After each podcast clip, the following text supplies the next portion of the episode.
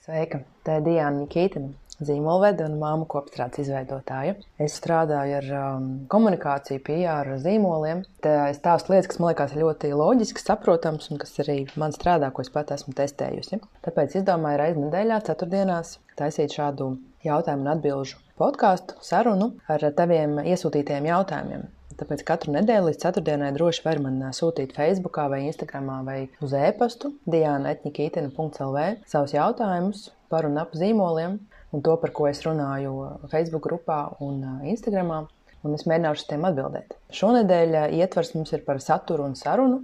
Pirmais jautājums ir tāds, kā mērķtiecīgi un ilgtermiņā veidot sarunu sociālajiem kontiem, lai tā veidojas kā īsta saruna, nevis tikai vienkārši ieraksts, un kā plānot saturu sociālajos mēdījos, lai attīstītu zīmolu identitāti. Šos divus jautājumus es saliku kopā, jo es gribu mazliet paspērt vienu soli atpakaļ un pastāstīt tev, lai tu atceries īstenībā, kas ir iemesls, kāpēc tu sāki darīt to, ko tu dari. Vai tu ar savu produktu un pakalpojumu risini kādu problēmu, vai tu apmierini kādu vajadzību, vai tu apmierini iekāri, Un, attiecīgi, tu vari saprast, kas ir tavs produkts un kas ir tās tēmas, un vērtības un rubrikas, tie insighti, par ko tu vari runāt. Attiecīgi, tādā veidā tu veido savu zīmola kodolu, uz kā viņš viss turās, par to tu arī runā. Un tādā veidā, balstoties uz šīm lietām, tu veido arī savu to mērķtiecīgo sarunu sociālos tīklos. Kā veidot sarunu mērķtiecīgi, Tas nozīmē, ka tu veido attiecības. Atslēgas vārds ir veidot attiecības. Caur visu to, ko tu dari, tu ar savu klientu veido attiecības. Tu caur katru savu ierakstu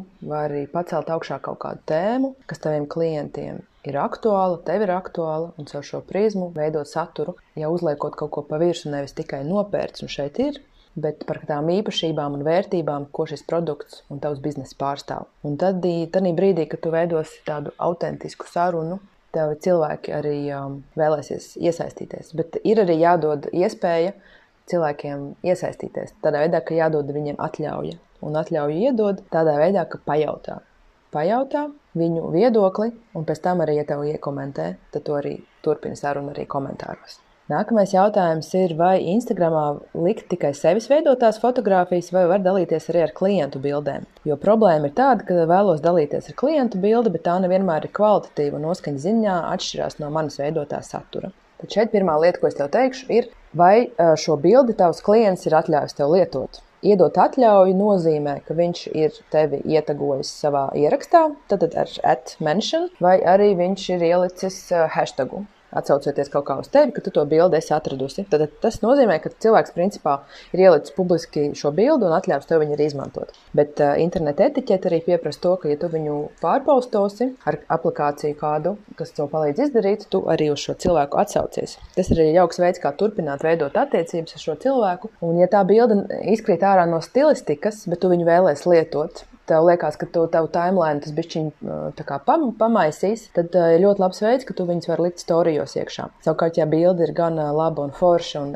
ļoti labi ieder tavā timeline un tu viņu gribi tur paturēt, tad es iesaku viņu likt, jā, timeline, bet pasties, ko tu vari izdarīt, lai tas būtu roku rokā ar tavu pārējo saturu. Vai nu tu pamainīji kaut kādus filtru uzstādījumus, vai um, te tehniskos parametrus, gaišumus, kontrastus, uh, kaut kādas tādas lietas, vai arī izmanto šo kā iespēju izveidot sev jaunu rubriku, jaunu rubriku reposti, tā kā klientu atsauksmes. Un viņi var izstīties vizuāli savādāk. Piemēram, šo bildi tu nevis liec visu tā kā full screen, bet tu viņu uzliec uz kaut kāda foniņa, vai ja ir bildīta un blakus ir teksts, un tas viss ir uz rozā fona. Nu, tā kā piemērs. Savukārt, uh, jā, tās bildes, kuras tu liec storijos, tu arī var kaut kā īpaši viņas noformēt. Tu vari droši iet Pinterestā vai Canvā un paskatīties, kāda dizainiskie izpildījumi tam, kā tu viņu vari smuki ielikt, un vienmēr arī uzrakstīt, ka tas ir reposts no kāda pieminu šo cilvēku, lai skaidrs, ka tas ir kāds klients, kurš uz tevi atsaucies. Tas ir ļoti labs veids, kā veidot attiecības, un ļoti labs veids arī, kā veidot saturu, parādīt savu klientu, veidot bildes. Tu pat īstenībā vari arī iedrošināt šos savus, savus klientus to, to darīt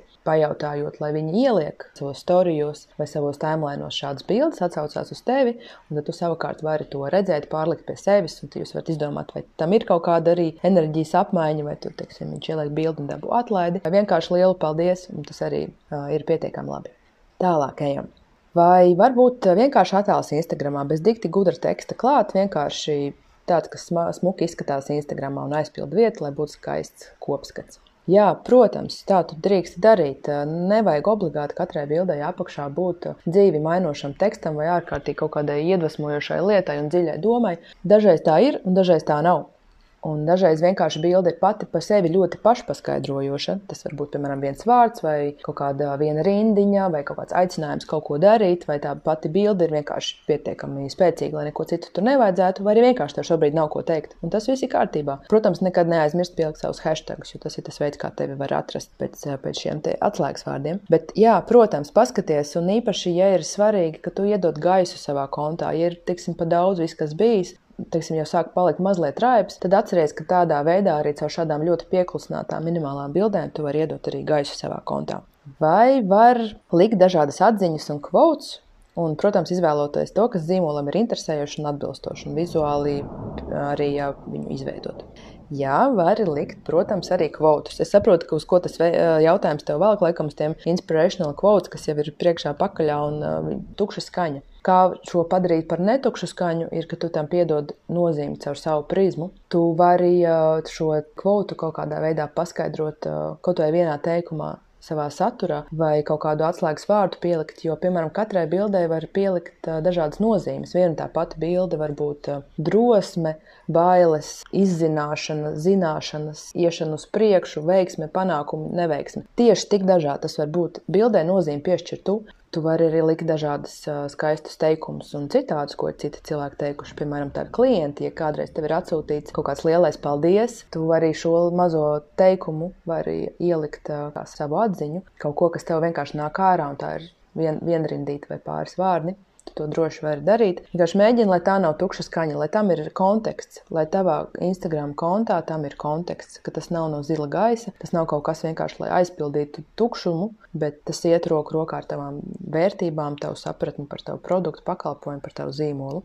Un pēdējais jautājums ir, cik bieži publicēt saturu, vai biežāk, bet tekstu minimāli, vai arī retāk, bet rakstīt plašāk. Šeit ir tā, ka tas jau ir tāds algoritmu jautājums, un, protams, visi laiki, komentāri, atbildes uz komentāriem, šēri, posti, viss tas, tas ļoti ietekmē algoritmu, bet arī to, ka cik cilvēks laika pavadu skatoties tavu ierakstu, un ja tev, piemēram, ir ļoti garš ieraksts, viņš ir ilgi lasi, tad tas arī jau ir izklausās um, algoritmam patīkami. Bet cik bieži tas ir ļoti atkarīgs no tava biznesa Tas ir atkarīgs vai tev ir svarīgi attiecības veidot katru dienu, regulāri, jo tev ir svarīgi pārdot katru dienu, ja tev ir, piemēram, plaša patēriņa prece, vai tev ir kaut kas tāds mazliet jau ekskluzīvāks, un, piemēram, ja tev ir produkts, kas iznāk divreiz gadā, kā tu veidosi šo saturu, jo tev ir jāuztur tā komunikācija, bet katru dienu iespējams, ka viņai nav vajadzības cik bieži uh, publicēt savu saturu, tas ir jāsaprot no taviem mērķiem, kāds ir tavs Instagram konta mērķis. Izglītot, pārdot, iedvesmot, uzrunāt, uh, paplašināt savu auditoriju. Un, attiecīgi, pēc tā tev ir jāskatās, kas ir tas, kas tev vislabāk kalpos. Nu, lūk, paldies tev liels par iesūtītajiem jautājumiem.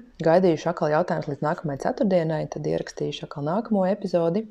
Paldies tev liels, te bija Diana un tiekamies online. Čau!